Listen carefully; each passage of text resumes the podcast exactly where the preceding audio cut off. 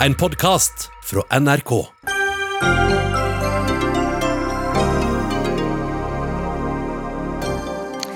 President Duda fikk sine fem nye år etter rekordhøy valgdeltakelse i Polen. Demokratiet i hjemlandet mitt er i fare, sier polsk jurist i Bergen. Michael Tetzschner vil gi demokratiforkjemper i Hongkong asyl i Norge. Det kan lokke flere asylsøkere til landet, advarer en annen Høyre-topp. Sivilforsvaret er en papirtiger og har ingenting å stille opp med i en krise.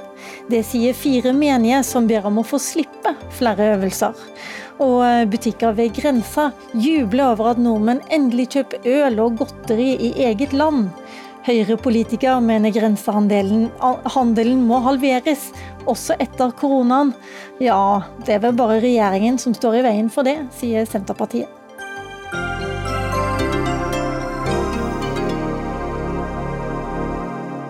Ja, God kveld og velkommen til Dagsnytt 18, som i dag ledes av Lilla Sølhusvik, og som faktisk skal starte med fotball. Fotballen døde litt i dag, skriver fotballfans på Twitter.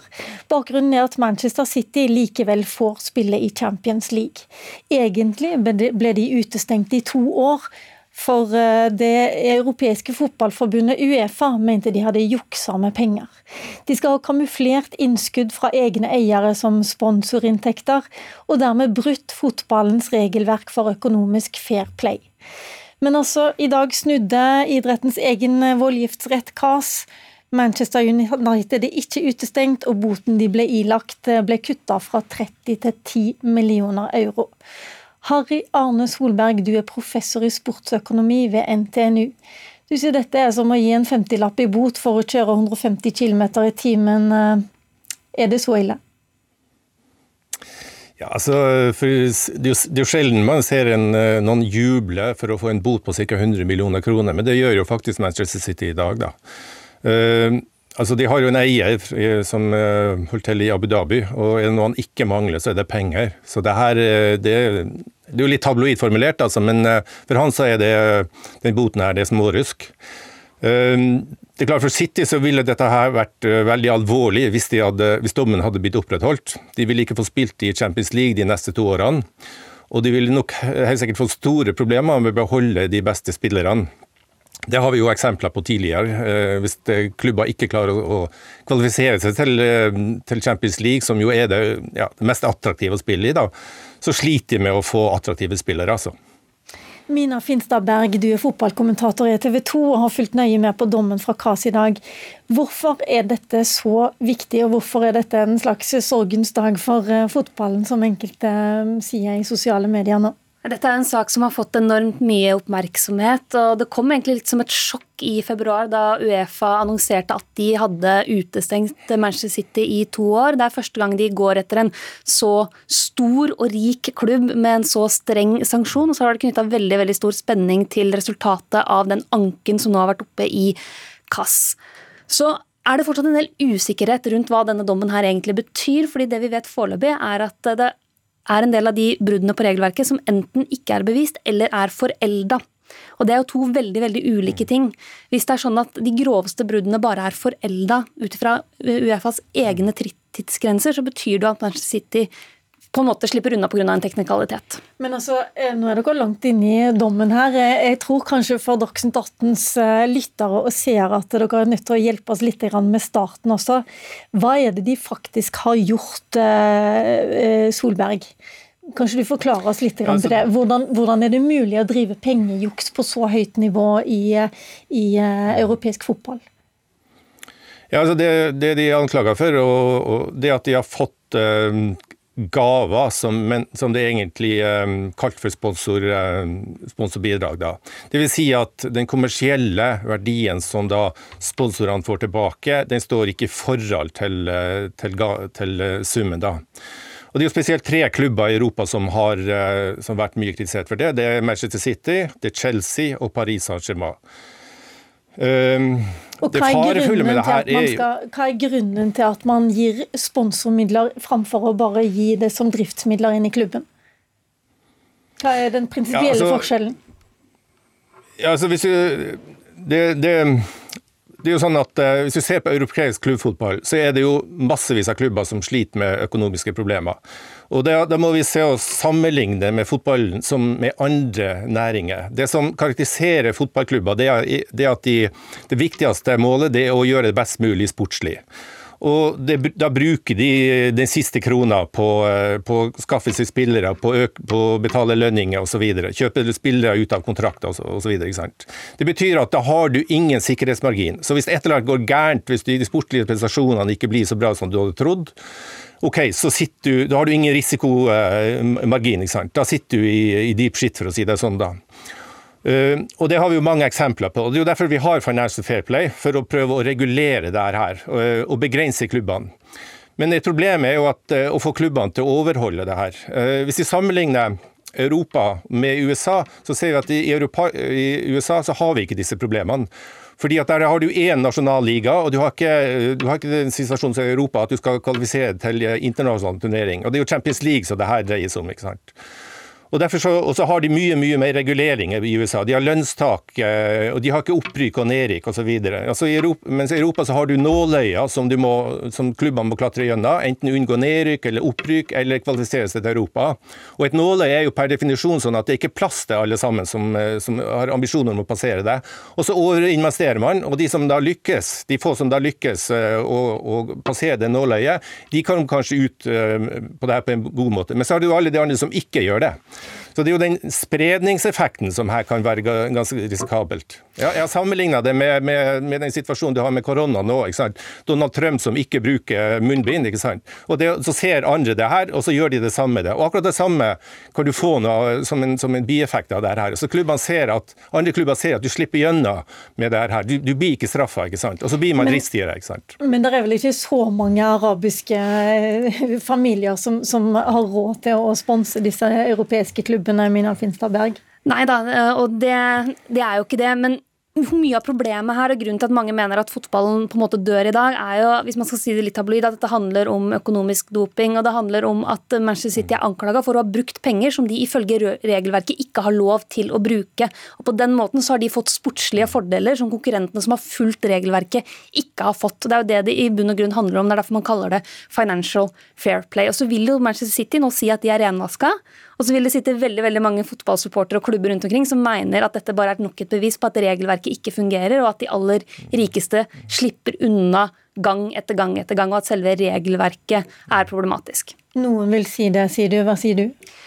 Nei, Jeg tror ikke siste ord er sagt i denne saken her, og jeg tror Uefa er nødt til å revidere hele Financial Fair Play for framtida. Men eh, hvordan vil eh, denne avgjørelsen påvirke pengejukset i europeisk toppfotball, tror du eh, Solberg? Er dette grønt lys for useriøse aktører?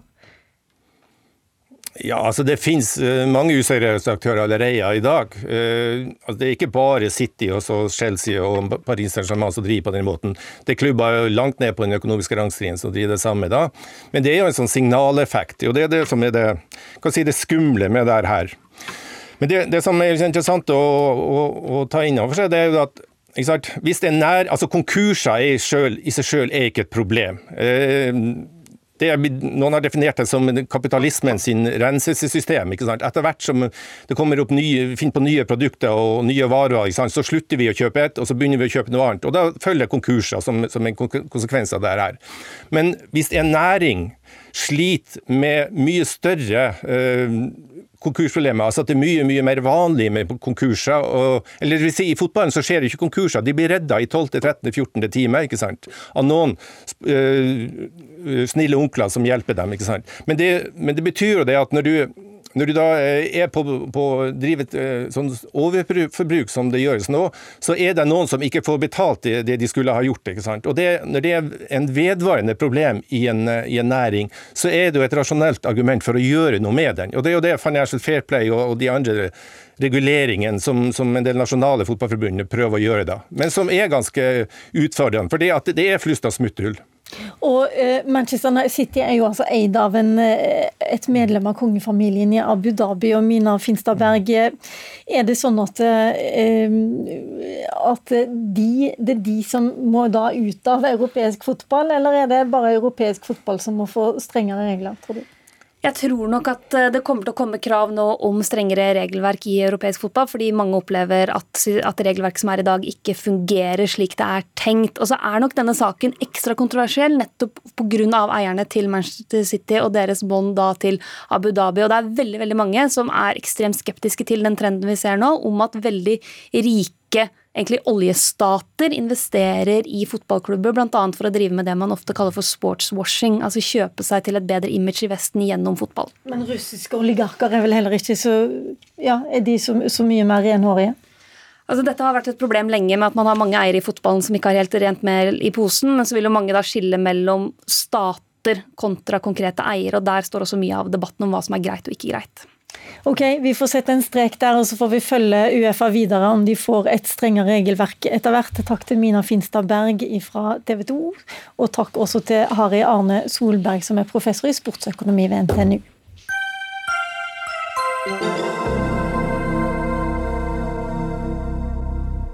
Dagligvarebransjen langs svenskegrensa har jubeldager mens koronaen pågår.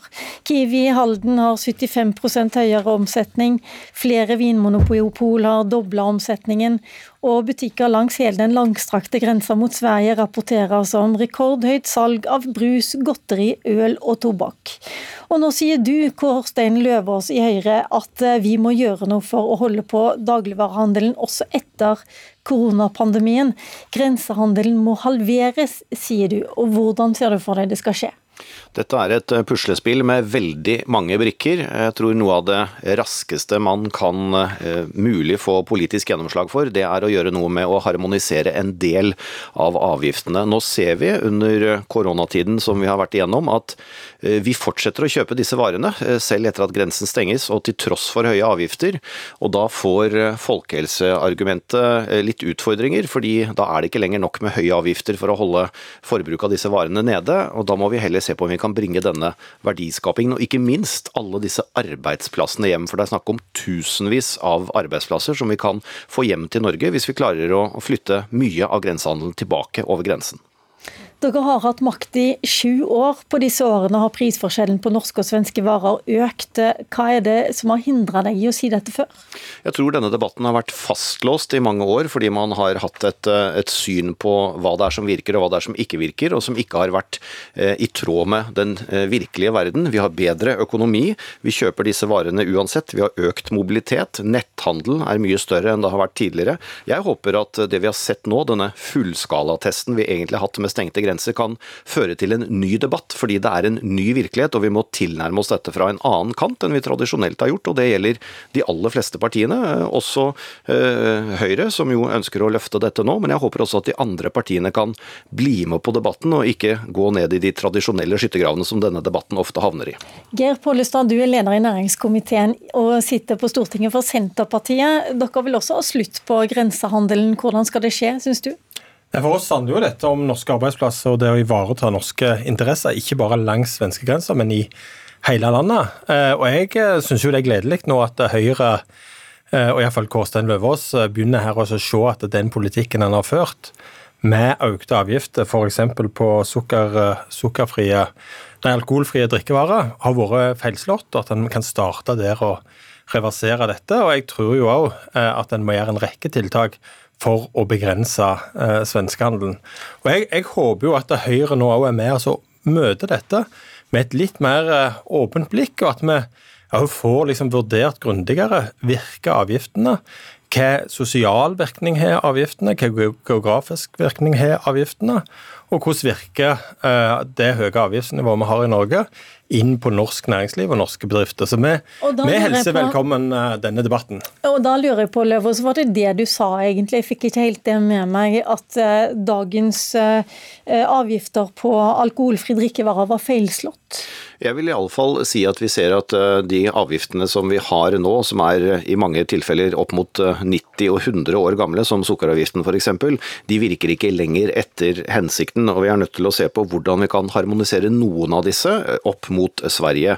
Og jeg tror at det handler om å gjøre den totale handlekurven noe rimeligere i Norge. Så kan det godt hende vi må begynne i en ende, men, og noen vil sikkert alltid reise til Sverige, og det er hyggelig med en tur over kjølen og, og handle i andre butikker, men hvis vi kan få den totale handlekurven rimeligere i Norge, slik man har gjort i Danmark mot tyske grensen, så kan vi bringe mye av denne verdiskapingen hjem. Men la oss, la oss, ikke gå noe mer rundt grøten. Jeg snakka med NHO i dag, og de sier, og flere organisasjoner også sier det veldig klart. Hvis du skal ha ned grensehandelen, så må du droppe alkoholavgiften og også senke sukkeravgiften. Helst droppe den. Er det det du vil nå? Jeg tror det er lettere å bli, finne en enighet om sukkeravgiften i første omgang, sånn som det norske politiske bildet er nå. Eh, og Den eh, synes jeg vi skal gjøre noe med, og det er det også et ekspertutvalg som, eh, som arbeider med. Vi har gjort noen reverseringer, det må trolig flere. Droppe, okay. droppe alkoholavgiften er nok, det tror jeg kanskje ikke NHO har sagt heller, men å harmonisere avgiftene f.eks. på øl og vin i noe større grad enn i dag, vil selvfølgelig fjerne ytterligere en av driverne som pumper norske penger ut av Norge og inn i svensk økonomi økonomi. La oss bringe inn partiet som eh, verken ønsker å droppe alkoholavgift eller sukkeravgift. Eh, Jorunn Lossius, du er stortingsrepresentant for eh, Kristelig Folkeparti. Har koronaen fått deg til å se på dette med nye øyne? Absolutt ikke. Jeg er faktisk ganske overraska over Løvaas sitt utspill. For både han og jeg er jo en del av en regjering som bevisst har satt et høyt avgiftsnivå på, på, sukker og alkohol, nettopp av hensyn til folkehelse. For vi vet at det er en så klar sammenheng mellom lavt avgifts avgiftsnivå og økt forbruk, og både når det kommer til sukker og alkohol. Og vi vet også at sykdommer knytta til overvekt og fedme, og ikke minst alkoholmisbruk, det holder mennesker vekk fra arbeidslivet, og det koster staten flere titalls millioner milliarder årlig. Og for ikke å snakke om de menneskelige omkostningene. og Det er det vi er opptatt av. Vi er opptatt av menneskene, ikke minst de 90 000 barna som lider under foreldrenes alkoholmisbruk. Og Det alene burde være nok til å la være å vurdere å senke de her avgiftene. Jeg det høres nesten ut som om du heller vil øke dem? Ja, vi vil holde oss på et høyt, av, eh, høyt avgiftsnivå, nettopp av hensyn til de som sliter med det her, og særlig barna. Og jeg tenker De er, gir uttrykk for at de er bekymra for denne grensehandelen. og Det er jo enkle grep som kan gjøres der. Man kan sette lavere kvoter, man kan eksempelvis eh, gi taxfree-handelen over til Vinmonopolet osv. Men det her er altså høye avgifter er jo de grepene, de virkemidlene vi har som politikere i forhold til å regulere det her. Og det er også noe som Verdens helseorganisasjon og Legeforeningen støtter opp om. Løvås, du burde kanskje ha diskutert dette med dine, eh, dine samarbeidspartnere i regjeringskollegiet før du gikk ut? Ja, det er heldigvis det vi gjør akkurat nå, og det er det jeg ønsker. Jeg ønsker denne nye debatten fordi det er en ny virkelighet, og jeg er glad for at uh, Lossius bringer inn nettopp menneskeverdet. Fordi det er en viktig del av diskusjonen. fordi klarer vi å bringe 10, kanskje så mye som 20 000 arbeidsplasser tilbake igjen til Norge, så er det arbeidsplasser for ufaglærte, arbeidsplasser for folk med hull i CV-en, arbeidsplasser med folk som har falt utenfor arbeidslivet. Dagligvarebransjen er snart den eneste bransjen som ansetter disse. Det er også menneskeverd. Det er også folkehelse å ha en jobb å gå til. Så dette er et komplisert regnestykke. Og den dagen noen kan vise meg tall som viser at folkehelsen på Vestlandet er bedre enn folkehelsen på Østlandet, da skal jeg være med på å se at høye avgifter på sukker og alkohol har et folkehelseperspektiv. fordi Da burde man sett en klar forskjell øst og vest for Dovre, fordi at eh, de på Vestlandet ikke har muligheten til å bruke denne ventilen, disse 20 milliardene som vi legger igjen i Sverige hvert eneste år. Lossius først, eh, du hører folkehelsa er også avhengig av at folk har jobb. Absolutt, men ulikt eh, Løvaas så tenker jeg at dette ikke er et veldig komplisert eh, regnestykke. Ja, vi skal, vi skal, sørge for at folk har arbeidsplasser til å komme tilbake til, og vi skal skape nye arbeidsplasser. Men vi skal ikke skape nye arbeidsplasser på bekostning av folkehelsa. Og den argumentasjonen han legger opp til, det er akkurat som han ønsker å løse ett problem ved å skape ti nye. Jeg syns det ligger en veldig sånn kortsiktig tankegang til grunn. da. Fordi et folk med god helse, det betyr et folk i arbeid. Vi vet okay. at så mange pga. livsstilssykdommer som fedme, overvekt osv., eh, eller sykdommer knyttet til det igjen, og ikke minst alkoholmisbruk, holdes utenfor arbeidslivet. Kanskje vi heller skal snakke om landbrukspolitikken for å eh, gjøre Pollestad, så heller gjøre noe med, med, med den for å, for å få eh, bukt med grensehandelen? Jeg tror det er veldig viktig at vi har en eh, nasjonal eh, matproduksjon, og særlig i ei eh, krisetid.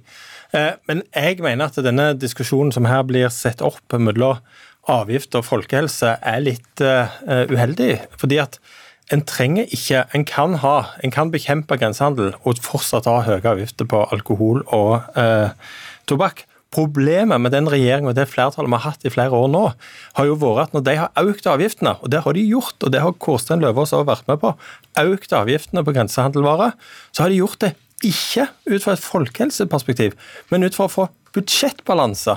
Og Det er jo der vi i Senterpartiet vil vekk fra. At en sitter i sein natt og forhandler, og da trenger en et budsjett som går i hop, så finner en på en avgift. Vi ønsker å ha en bred gjennomgang av avgiftspolitikken for å se treffer avgiftene. For målet i seg selv er ikke avgifter, men at de skal bidra til å begrense forbruk av tobakk og sprit. Også, du må vel også innrømme at eh, avgiftsnivået på denne regjeringen er omtrent det samme som det det var på når dere var i regjering? Siden Siv Jensen i 2013 ble finansminister, så har avgiftene i Norge økt med 6 milliarder kroner. Men ikke disse avgiftene vi snakker om nå? Noen av disse har økt, bl.a. på sukkerfrie eh, drikkevarer. Nei, alkoholfrie drikkevarer. Dette, dette, viser jo hvor komplisert det er, for man bruker noen tall for å slå i hjel andre tall. Men jeg syns det interessante her er at vi alle tre virker å være enige om, i hvert fall langt på vei, at dette er en ny debatt. Fordi folkehelseperspektivet har vært et av de viktigste, og har gjort at også Høyre har eh, for så vidt sittet relativt rolig i båten. Nå vil vi nok inn mot programarbeidet kanskje se annerledes på det. For når vi stengte grensene, så var det ikke sånn at folk sluttet å kjøpe snusen sin, eller sluttet å kjøpe smågodte, eller sluttet å kjøpe seg en øl. De kjøper det i Norge i stedet, og da kan man ikke lenger si at ja, denne høye avgiften sørger for lavere forbruk. Da må vi i hvert fall se om vi kan harmonisere det for disse pengene, gitt at vi har god økonomi, og gitt at dette er et komplisert puslespill. Okay. Så, så, så, blir disse pengene Vi må rett og slett avslutte der, eh, Kårstein Løvaas i Høyre. Jeg tror rett og slett bare konstaterer at dere er ganske enige om målet, men langt ifra om virkemidlene. Tusen takk, Jorunn Lossius, KrF, Geir Pollestad, Senterpartiet også.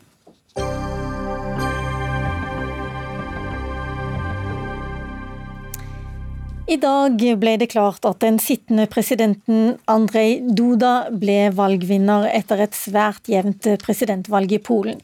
Den nasjonalkonservative presidenten endte med 51,2% av stemmene, mens hans liberale utfordrer Tsjaskovskij måtte nøye seg med 48,8% De politiske skillelinjene mellom kandidatene har vært dramatiske, og Polen har vært dypt splitta i valgkampen. Og Der befinner du deg, i hovedstaden Warszawa, Christian Aanensen, korrespondent i NRK. Nå vet vi resultatet. Hvilke reaksjoner har kommet? Her sånn har det vært en del bekymring blant eh, menneskerettighetsaktivister og frykt eh, blant eh, seksuelle minoriteter. Og mye av grunnen til det, altså Her i Warszawa har de også snakket med en del mennesker som rett og slett er ganske skuffet over valget. Eh, Rafa Tsjajkoski var jo en populær og liberal ordfører her. Og, og, det de frykter, er jo at Polen skal bevege seg i en mye mer autoritær og udemokratisk retning. Eh, det var nok ikke heller tilfeldig at det var eh, Ungarns Viktor Urban som var en av de første til å gratulere Duda med seieren. Eh, Tsjajkovskij selv var ute på Twitter for et par timer siden og gratulerte Duda med seieren, og skrev også at han håper at de fem neste årene er annerledes enn de fem foregående. Men det er nesten sånn at uh, i denne valgkampen så har i hvert fall norske seere og lyttere fått med seg mer av uh, den opposisjonspolitikeren eller opposisjonskandidaten enn med Duda. Og det må jo være også sånn at uh, det har vært rekordvalgdeltakelse. Noe må han ha gjort riktig. Hva er det som gjør han populær? Ja, For det første, når du har den katolske kirke og de statlige mediene på din side, så har du jo et godt utgangspunkt for å gjøre et godt valg. Og hvis du også krydrer det med en del populære sosiale reformer som har gitt småbarnsforeldre og pensjonister mer penger og mer å rutte med, eh, så er det helt klart at det er en del ting De har gitt en del penger til en del av de fattige, og han har lovet å eh, utjevne en del av ulikhetene, av de sosiale og økonomiske ulikhetene i Polen, og han har blitt trodd på det. Eh, sånn at ja, han er en populær eh, mann i enkelte områder av Polen, helt klart. Vi har med oss eh, Ingrid Brekke, forfatter og journalist. Eh, du er, journalist i Aftenposten, men du har også nettopp skrevet bok om Polen. Hva er det viktigste du vil trekke fram av dette valgresultatet som vi har fått nå? Det er jo utrolig dramatisk at det ble en sånn veldig smal margin. Det er selvfølgelig veldig vanskelig for, eh, for, eh, opposisjonen å svelge at nettopp fordi, som det ble sagt her, at utgangspunktet for hvordan valgkampen ble drevet, kanskje ikke var helt fair, og så taper de med så eh, ørliten margin når så veldig mye står på spill. Mm. Vi har også med oss vi har også med oss eh, Syndetska. Du er førsteamanuensis ved Universitetet i Bergen eh, på juss. Du har fulgt valget i hjemlandet ditt eh, nøye. Hvordan reagerte du da det ble kjent at Duda vant en ny periode? Jeg kan dessverre ikke si at jeg var veldig overrasket, men jeg er veldig, veldig skuffet. Akkurat fordi det var så lite som manglet. Eh, så man kan jo si at det er jo veldig optimistisk at eh, det var så mange som stemte. At det var så mange som engasjerte seg. Folk stod i kø eh, i seks, åtte, ti timer bare for å kunne stemme. Det var mange som var opprørte, spesielt i utlandet, som ikke fikk valgkortene sine i tide for å kunne stemme i det hele tatt. Så folk brydde seg. Hva tror du vil skje nå, siden du er så veldig veldig skuffa? Hva tror du skjer da? Nei, dessverre. Vi kan bare forvente at det blir bare verre og verre. Eh, hvis vi skal tro på Kaczynski, som styrer absolutt alt, så sa han allerede at nå skal vi rette på situasjonen i media. Det er sitatet. Det er veldig vanskelig å si hva det egentlig innebærer. Men eh, det som vi kan være helt sikre, sikre på, er at de kommer til å prøve å overta kontroll når det gjelder media. Eh, de har jo nesten kontroll over domstolssystemet. De har nylig overtatt Høyesterett, som avgjør om eh, valget er eh, gyldig. Så en av de prominente politikerne fra PiS sa allerede at ja, ja, dere kan bare protestere, men det hjelper ikke. Så man kan bare tenke hva det egentlig innebærer. Så du, Når du snakker om de her, så snakker du egentlig om regjeringspartiet PiS, ja. som også Doda Duda var medlem av inntil han ble president og måtte melde seg ut? Ja, fordi det, det, er jo veldig feil å anta at han er en selvstendig president eller selvstendig person. Det er absolutt feil. Så det er ikke mulig å skille mellom presidenten, eh, mellom Duda eh, og PiS.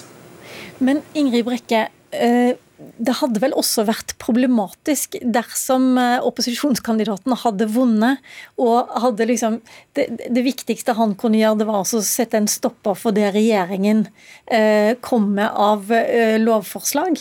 Jeg tenker ja. at Da hadde jo også Polen vært delt på to. Ja, altså Polen er delt i to og har vært det veldig lenge, og, sånn er det bare. Men, men, eh, nå er man i en situasjon der eh, en regjering har makta som styrer Polen i antidemokratisk retning, sånn som vi har hørt nå.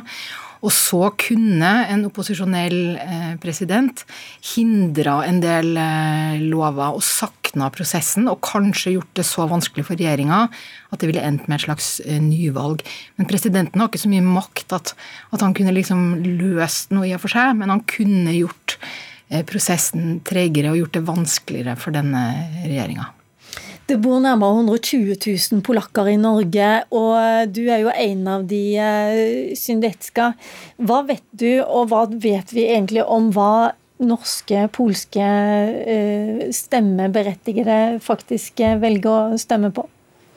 Ja, Ifølge resultatene fra, fra, Norge så stemte de fleste på, på Trzaskowski. Og det, det, den samme trenden kunne man observere i hele Skandinavia. Så det var egentlig Eh, USA eh, hvor Trzaskowski eh, vant. Det var også Hviterussland, og i hvert fall i første omgang så var det også Kasakhstan, hvor president Duda vant. Ellers så stemte utlandet for Trzaskowski.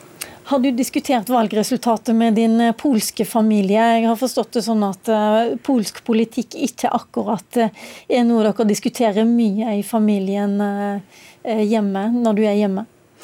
Nei, det gjorde jeg ikke ennå, fordi jeg er litt redd for det. Um, jeg nevnte bare for min familie at jeg skal opptre på Dagsnytt 18.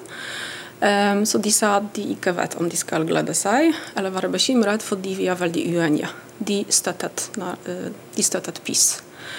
Og man kan jo si at det er jo oppegående folk eh, som, som, vet veldig mye om hvordan ting fungerer. ja, men vi er veldig uenige, og det fører bare til krangler, til tause dager. Min familie ble veldig sint på meg og nektet å snakke med meg da, da jeg innrømte at det var jeg som nominerte den polske ombudsmannen til Raftoprisen. Så det var såpass alvorlig.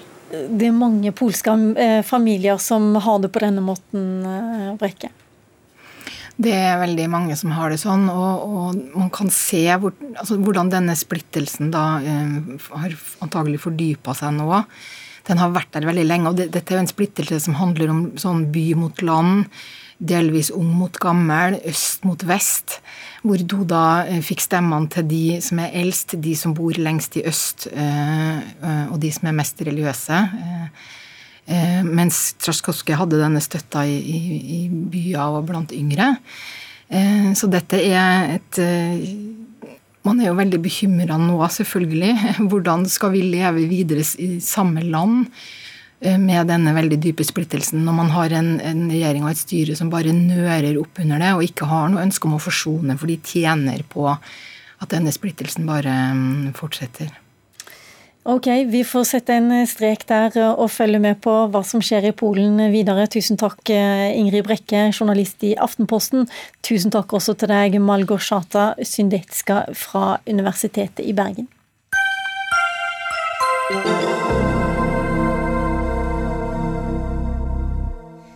I Hongkong risikerer Kina-kritiske innbyggere å bli dømt til livstid eller å bli deportert, etter at Kina pressa gjennom den kontroversielle sikkerhetsloven 1.7. På forhånd varsla Storbritannias statsminister Boris Johnson at han vil gjennomføre en lovendring som gir nesten tre millioner Hongkong-kinesere rett til opphold. Michael Tetzschner, du er stortingsrepresentant i Høyre, og du skriver i en kronikk i Aftenposten i dag at eh, demokratiforkjempere fra Hongkong som er i fare nå, de bør også gis asyl i Norge.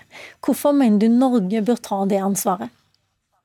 Ja, For det første så er det jo ikke snakk om eh, en eh, asylstrøm eh, som Storbritannia av helt spesielle grunner planlegger for. Det, siden du har en henvisning til kronikken, så må jeg også si at der står det veldig klart at Norge ikke skal foreta seg noe på egen hånd. Men at vi eventuelt sammen med andre land i vår nærhet som er bekymret for demokratiutviklingen, kan tilby fristed for eh, f.eks.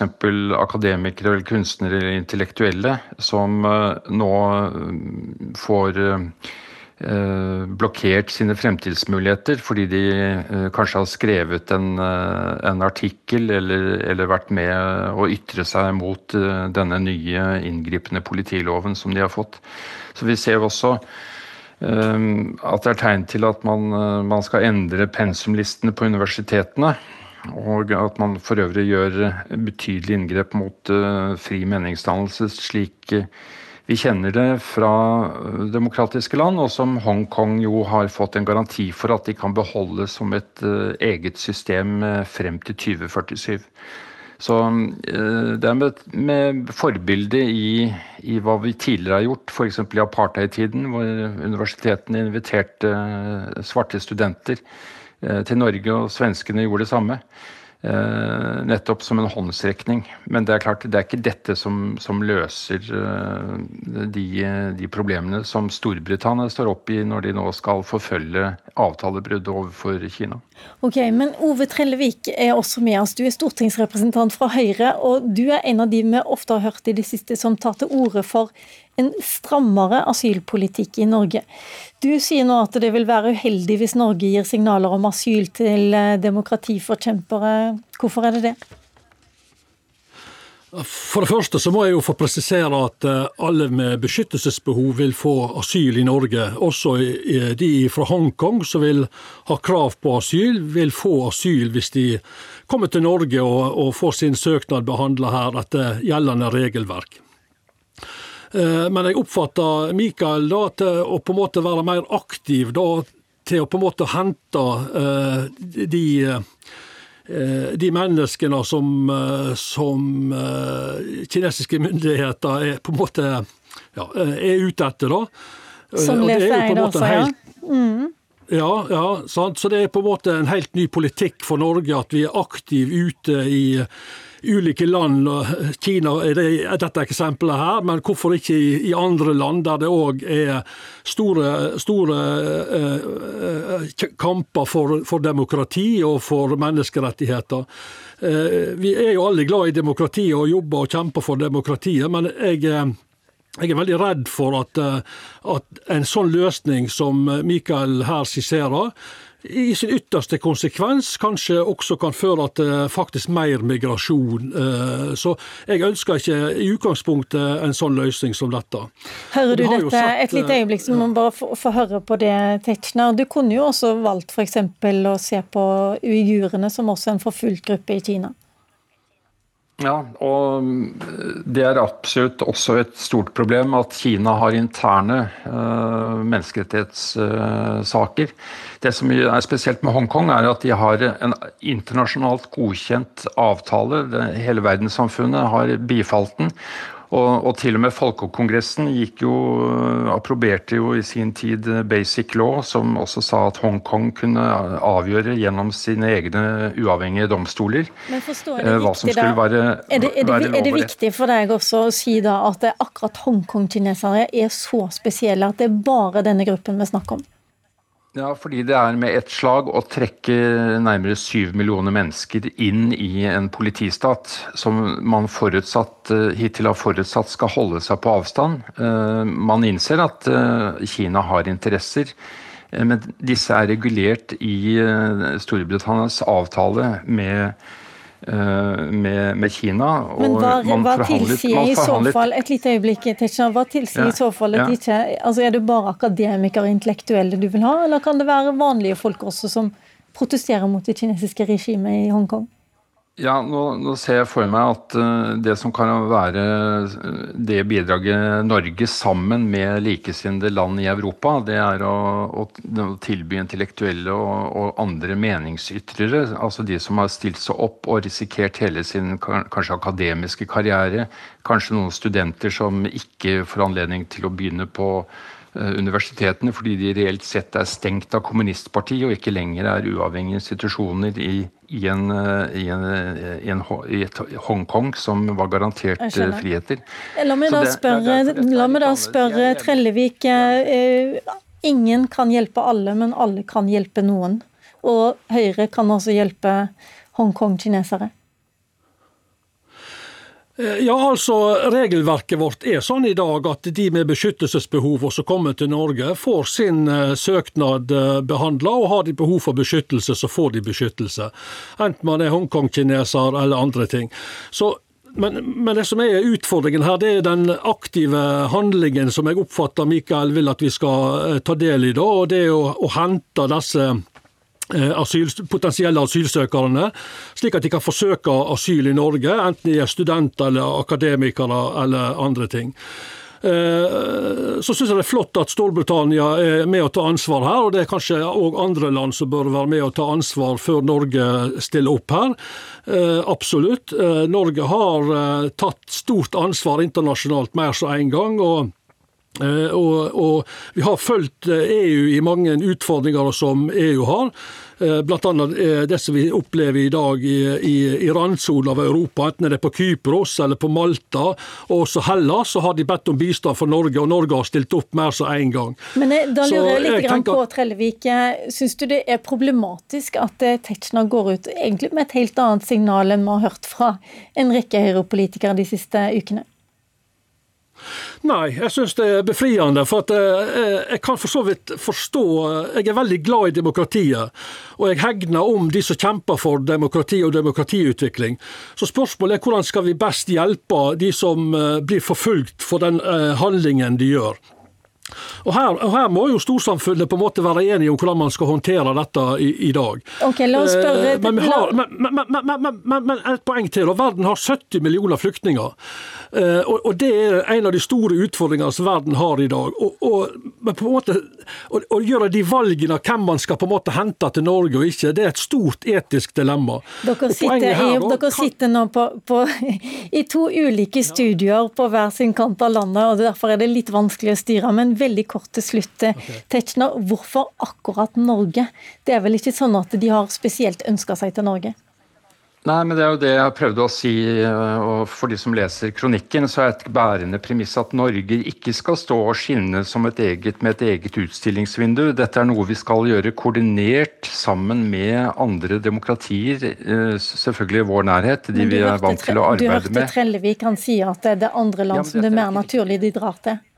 Jo, men eh, jeg har nettopp eh, lagt vekt på å bruke andre ord enn det som knytter dette opp til vanlig flyktning- og asylpolitikk. For jeg er for at vi både skal ha en eh, stram innvandringspolitikk, som ligger helt utenfor dette igjen, og at vi skal passe på at asyl- og flyktningpolitikken ikke blir brukt som et, si, en begrunnelse som ikke holder ved nærmere ettersyn, og som setter det instituttet under stort press fordi man i realiteten er skal vi si, migrant. Så der er Trellvik og jeg helt enige. Da avslutter vi rett og slett der, eh, Tetzschner. Eh, vi har 20-30 personer på Norges del, hvis eh, flere andre europeiske land. Det er ikke det som ødelegger norsk asylpolitikk. Ok, der fikk du siste ordet. Tusen takk, Michael Tetzschner, og også til deg, Ove Trellevik, begge stortingsrepresentanter for Høyre. Og velkommen til deg, Berit Aalborg, politisk redaktør i Vårt Land. De siste ukene har vi hørt flere Høyre-politikere stå fram og snakke om en strammere flyktningpolitikk. En nevner i fleng Torbjørn Røe Isaksen, som ville ha tak på antall flyktninger som kom til Norge. Henrik Asheim ville at ingen skulle søke asyl direkte i Norge. Og Stefan Heggelund, som ville stramme inn både på familie, innvandring og antall kvoteflyktninger. Hvordan tror du Tetzschner sitt eh, utspill vil bli mottatt i partiet? Jeg tror nok det kommer den type reaksjoner som Trellevik nå hadde. For det er klart at dette her går litt imot altså dette går litt imot den stramme og veldig sånn jevne innvandringspolitikken. Man vil ikke gjøre, man vil ikke gjøre tilpasninger, f.eks. NTE Moria-barna. Så jeg tror nok han fort kan bli møtt om det. Men, men, jeg tror jo også at det er ganske mange i Høyre som har vært litt ukomfortable med at Høyre har ligget og Erna Solberg som statsminister har vært veldig forsiktig med Kina eh, i kjølvannet av at Liu Chabot fikk fredsprisen. Så noen ønsker nok at man skal være tydeligere i forbindelse med menneskerettigheter. Og dette er nok også litt et uttrykk for det, tror jeg. Men er Høyre samla nok til å etablere en prinsipielt stram innvandringspolitikk, som egentlig er den store linja vi blir fortalt om her nå? Ja, Det tror jeg i bunn og grunn at de er. Men det er nok noen uenigheter. og F.eks. i Unge Høyre så har de nok ønska mer vekt på menneskerettigheter og noe mer liberal linje. og Det er det over hele Høyre. I hele Høyre er det en del folk som vil den veien. Så jeg tror at særlig hvis vi nå kommer i en situasjon der hvor det blir nye brudd på menneskerettigheter, og hvor situasjonen strammer seg ytterligere i Hongkong, så tror jeg den diskusjonen her vil kunne gå i større deler av Høyre. Vi har også hatt en lengre debatt om å hente barn fra Moria-leiren. Eh, men er Kina mer oppe i høyrefolks bevissthet kanskje enn Moria-leiren, der Høyre egentlig har vært ganske klare på at eh, det er de ikke interessert i. Det er jo andre partier i regjeringen som har tatt til orde for å hente dem. Ja, Vi så i dag Trine Skei Grande var ute og sa det at når det kommer menneskerettighetsforkjempere for demokrati, da er Høyre på banen. Men jeg tror nok at Høyre er veldig opptatt av akkurat det å kjempe for demokrati og menneskerettigheter. Så det kan godt hende at den er litt høyere oppe i pannebrasken på mange Høyre-folk. Men eh, ja, de har vært veldig stramme i Moria-saken, og det kommer nok litt som en rekyl mot Tetzschner nå. For der har de alle sammen stått litt Det har vært ganske stor enighet om det i Høyre. Mens når du får det i Hongkong, så har man en litt annen holdning til det. Tidligere i sendingen så har vi hørt eh, Høyres Kårstein Løvaas snakke om å se på avgiftene på alkohol og sukker, og nå altså strammere innvandringspolitikk. Er det Frp sine klær eh, Høyre er ute etter fram mot stortingsvalget neste år? Ja, Det kan nok være det er det. og Vi ser jo at Høyre har, har ja, litt opp og ned, da, men Høyre har i vår gjort det sånn relativt bra på målinger. Og Fremskrittspartiet har jevnt over gjort det litt dårligere. og Det kan nok hende at man ønsker å vise at Høyre er en ganske, altså, ganske stram med innvandringspolitikken.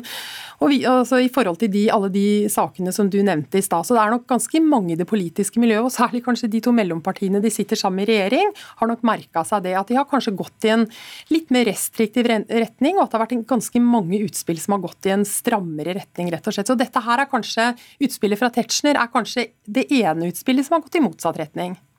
Ja, ja, Går de nærmere Frp, så blir det kanskje mer plass til Venstre igjen på, på midten der. Ja, det kan godt hende. Men her skal veldig mange politiske analyser foretas før stortingsvalget til neste år. Tusen takk for denne, Berit Aalborg, politisk redaktør i Vårt Land. Hør Dagsnytt 18 når du vil. Radio NRK Radio.nrk.no.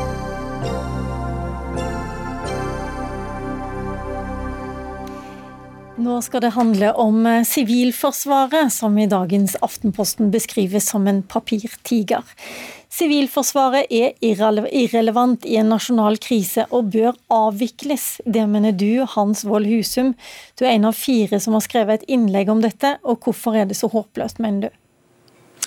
Altså, Det er veldig mye og helt grunnleggende ting som ikke fungerer når det gjelder Sivilforsvaret, mener vi, da, som er eh, tvangsinnrullert og har vært det i 15 år eh, i Sivilforsvaret. Altså, vi er rett og slett ikke så veldig nyttige når krisene kommer. Det ser vi tiår etter tiår.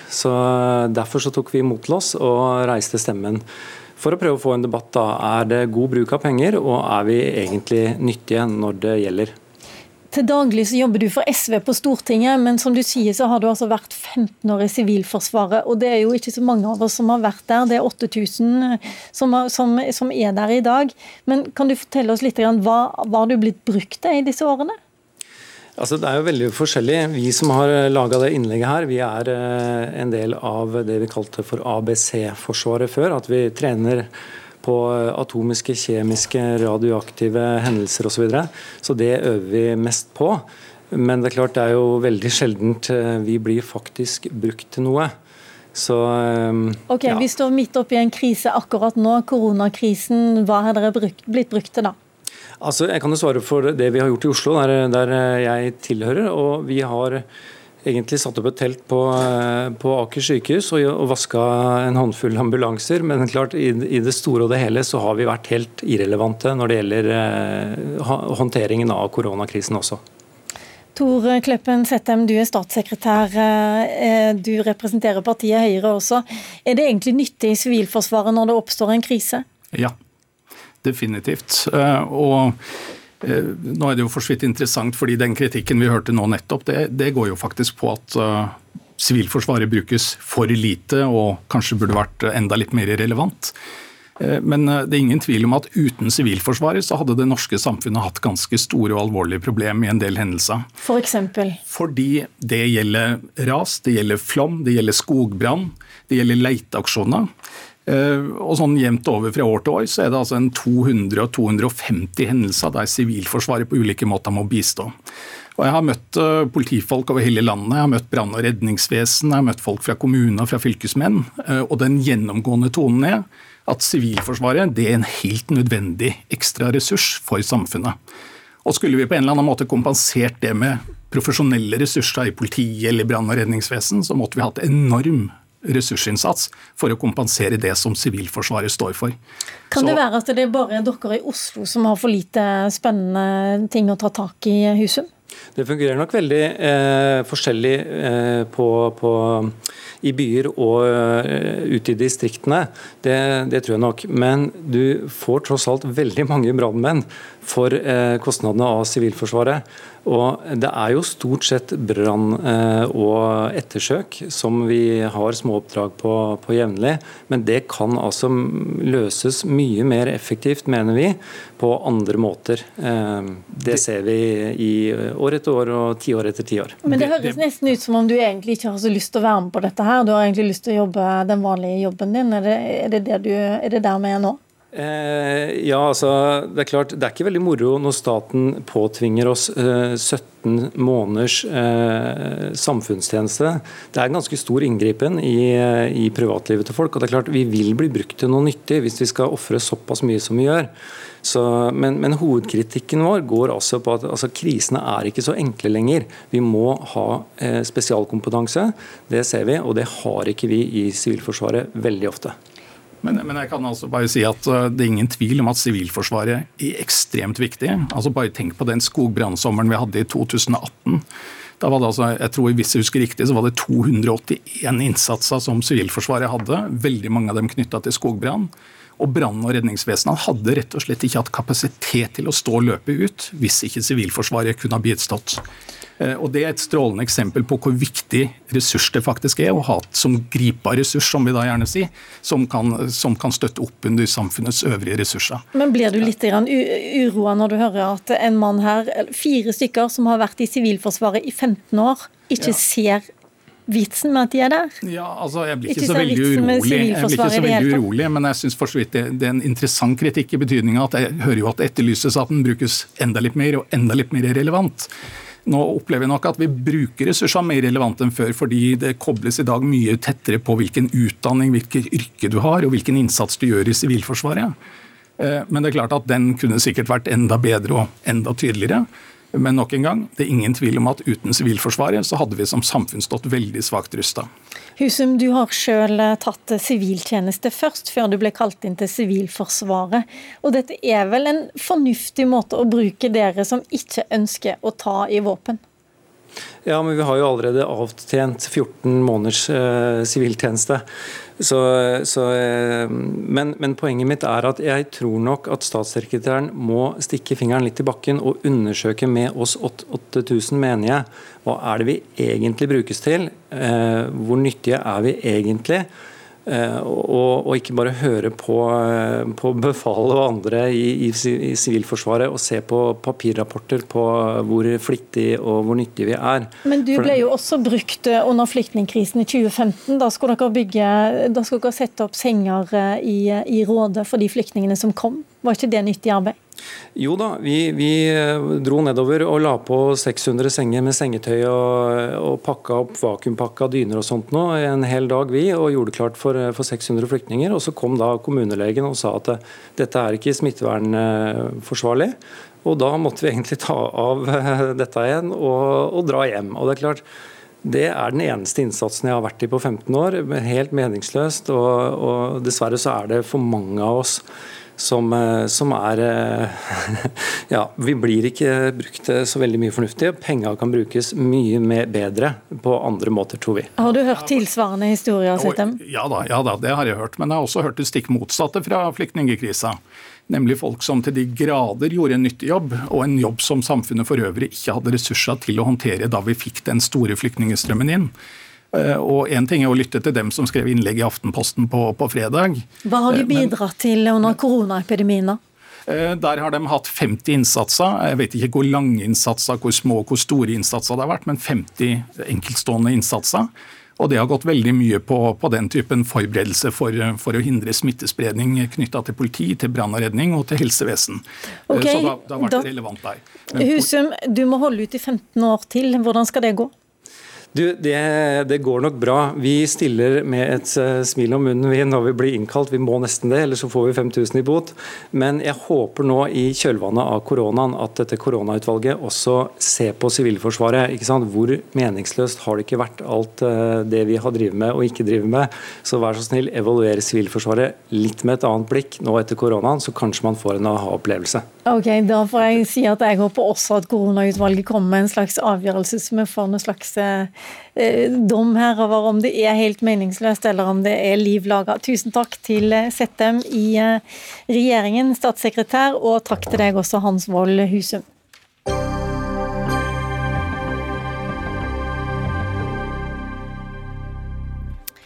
Dagens glade koronanyhet er at ingen i dag ligger i respirator for første gang siden mars. Men mange er fortsatt syke. Og er det én sak vi skal lære av koronaepidemien, så er det at vi skal verne om sykelønnsordningen, sier dere i AUF, Astrid Hoem. Og hvorfor er det spesielt viktig nå? Det er spesielt viktig alltid, men korona har virkelig vist oss at det å holde seg hjem når man er syk, når det gjør litt vondt i halsen, det er viktig for å unngå at pandemien sprer seg. Og Da er det viktig at folk føler på den tryggheten av at man også får lønn når man er syk. Og så har jo også korona satt forstørrelsesglasset på ulikhetene i samfunnet vårt. Og det er jo sånn at Hvis man jobber på kontor, så kan man ta hjemmekontor og fortsatt heve lønn. Men hvis man kutter sykelønna, sånn som Sondre Hansmark og Unge Venstre foreslår, så vil jo det gå utover butikkmedarbeidere, rengjøringspersonale, folk som ikke kan ha hjemmekontor, men som må holde seg hjem, og som i tillegg opplever at man får kutta i lønna si. Da tror jeg vi vil se effekten som man har sett i andre land. Eh, på det verste man sett i USA, der folk ikke har råd til å holde seg hjem, nødt til å gå på jobb, smitte andre, sprer pandemi. Så sykelønna er både bra for velferdsstaten vår, men det er også bra for å unngå at man smitter enda flere. Dette med å få folk med rusk i halsen og litt eh, snufsete nese eh, til å gå på jobb likevel, det har jo vært en av grunnene til å kutte i sykelønnsordningen. Sondre Hansmark, leder i Unge Venstre. Har koronaepidemien fått dere til å endre oppfatning? Nei, og det kommer jo heldigvis en tid etter koronakrisen. Og i den tiden så må vi være litt flinkere til å prioritere enn det vi har vært hittil. Ellers så kan vi to ende opp med å bli en del av generasjon null pensjon. Rett og slett fordi vi ser at statens utgifter vokser mye raskere enn det inntektene våre gjør. Og hvert år så bruker vi 40 milliarder kroner på å betale ut sykelønn. Vi har verdens mest sjenerøse sykelønn, og vi har også verdens høyeste sykefravær. Og Det er åpenbart en sammenheng mellom disse to tingene. For det er ikke sånn at verdens rikeste og lykkeligste land skal være noe mer syke enn andre land. Og Da må vi spørre oss sjøl kan vi bruke noen av disse milliardene på andre ting som hindrer at folk blir syke? Kan vi bruke det på forebygging, bedre helsetjenester? For det kan jo ikke være noe mål selv for AUF at vi skal ha så høyt sykefravær som vi har i dag. Men og da må vi snu bare, alle steiner du, for å finne før du hvordan tar, vi kan redusere. Før du tar alle argumentene dine, så lurer jeg jo litt på kan koronaen i hvert fall bety at kanskje dere skal ut, utsette det kuttet i sykelønnsordningen da? Fordi at akkurat nå er det jo viktig å motivere folk til å ikke gå på jobb eller ute i samfunnet hvis de er litt småsjuke. Og nå er jo Venstre det eneste partiet som faktisk har gått inn for dette kuttet, så det ser ikke ut som at dette blir gjennomført med det første. Men vi vet også at det haster å gjøre eh, reformer i offentlig sektor. Og vi vet jo at venstresiden og AUF nærmest nå, er nå allergisk mot fortsetter du disse på, på argumentrekka di igjen. Bare svar på spørsmålet.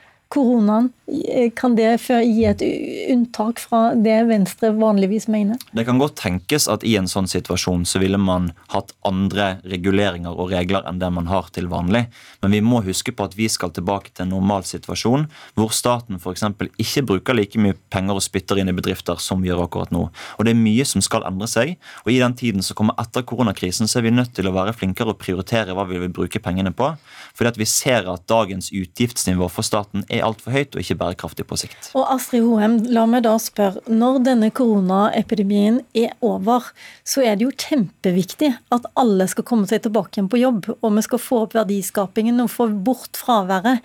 Kan ikke da det være en god idé å gjøre som Hans Mark sier, og kutte i sykelønnsordningen? Jeg er enig i at alle skal tilbake på jobb, og at vi skal skape enda flere arbeidsplasser som får spesielt unge tilbake i jobb, men jeg tror at også korona skal være tida der vi reflekterer over hva som fungerer, og som er godt, og som vi er nødt til å ta vare på vårt samfunn. En av de tingene mener jeg er sykelønnsordninga. Og jeg synes det er litt sånn omvendt politikk som jeg ikke alltid helt skjønner. da, At man alltid skal motivere de rikeste med å gi mer skattekutt, mens man skal motivere vanlige arbeidsfolk med å gi kutt og pisk og si vi tror ikke på at du er syk, når vi vet at det i aller hardest grad rammer folk som har stått i bresjen i koronapandemien nå. Det rammer rengjøringspersonal, det rammer butikkmedarbeidere. Og jeg er ikke uenig i det Sondre fra Unge Venstre sier om at vi også må gjøre eh, at vi må hindre at folk blir syke, men det har man jo nå gjort iblant butikkmedarbeidere. Der ser man at sykefraværet har gått ned halvparten. Det er en innsparing som er bra, istedenfor å ta kuttet i sykelønna, som gjør at de ikke tør å være hjemme og være syk, fordi at man taper penger på det. Men man har gjort det gjennom pleksiglass, man har gjort det gjennom mer antibac og ting som nå da dagligvarebransjen sier at man gjerne vil fortsette med. Så jeg tror at man skal gjøre de tiltakene istedenfor å starte med å kutte og si at vi har en sånn generell mistro til arbeidsfolk. Faktisk sånn som øh, Hansmark, øh, sykefraværet har endelig gått ned. Mm. Og Det er jo veldig gledelig. Vi får håpe at vi kan holde på en del av de tiltakene som vi har blitt flinke på under pandemien. Men velferdsstatens bærekraft eh, reddes nok ikke av at vi er blitt flinkere å vaske hendene. Og Venstre går jo samtidig inn som vi ønsker å redusere sykelønn for et jobbskattefradrag til de menneskene med helt vanlig lønn, lønn og inntekter. Så det er ikke snakk om at vanlige folk vil komme noe dårligere ut av dette her enn før. Men det er snakk om å gjøre helt nødvendige endringer i en sykelønnsordning som gjør at vi driver opp sykefraværet vårt på et veldig høyt nivå. Og Jeg hører ikke AUF foreslå så ofte hvor vi kan spare inn penger og hvor vi kan kutte. For det, det gapet mellom statens utgifter og inntekter det må vi tette på en eller annen måte. Og jeg tror ikke det er en veldig god idé å skulle ta inn alle de inntektene ved, ved skatteøkninger, sånn som dere tar til orde for. Vi må jo ha et konkurransedyktig næringsliv også etter koronaepidemien er ferdig. Da må vi sørge for at bedrifter kan få grønne tall og skape nye grønne arbeidsplasser. Eh, Men deres svar på dette her er økte skatter, og det tror jeg ikke er med på å sørge for at vi får flere i jobb etter den Veldig er godt til slutt. Altså, jeg tror ikke at velferdsstatens bærekraft, sånn som Unge Venstre sier, er eh, arbeidsfolk sitt ansvar, for arbeidsfolk er velferdsstaten sitt bærekraft. Og jeg syns fortsatt det er et paradoks at man alltid vil motivere de rikeste med å gi mer skattekutt, mens vanlige folk som går på jobb, gjør en innsats for Norge hver eneste dag, de skal få pisk og ikke gulrot. Og det har du sagt før. Takk til deg, Astrid Hoem, nestleder i AUF. Takk også til Sondre Hansmark, som er leder i Unge Venstre. Mitt navn er Lilla Sølhusvik. Jeg har hatt ansvar sammen med Siri Finnema Moen og Ili Kyrkjebø. Du har hørt en podkast fra NRK. Hør flere podkaster og din favorittkanal i appen NRK Radio.